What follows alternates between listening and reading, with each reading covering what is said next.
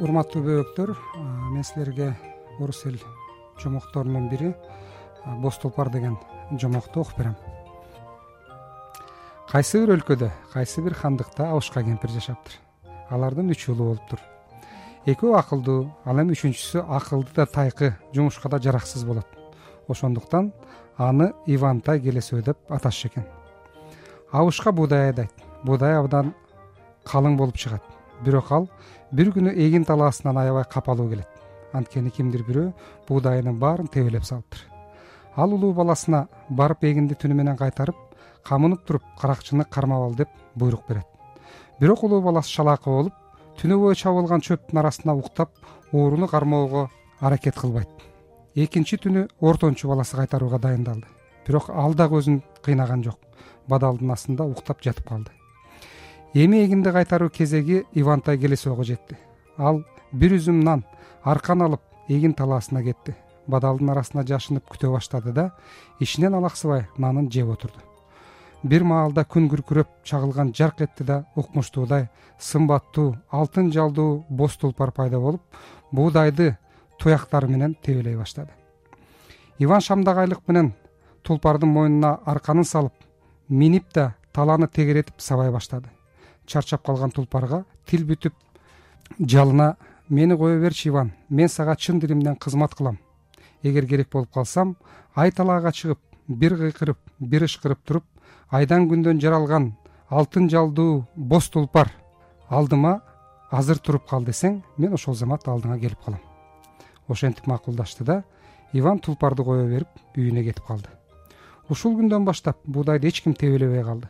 Убакыт өтүп хан кызын акылман василисаны күйөөгө берем деп чечим чыгарганы жарыя болуп дүйнө жүзүнө таркады.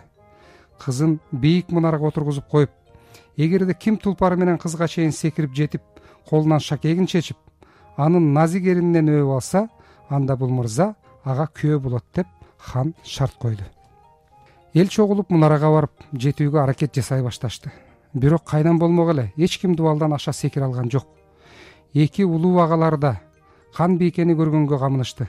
Иванды кошо ээрчитип алып барууну ойлоп да коюшкан жок.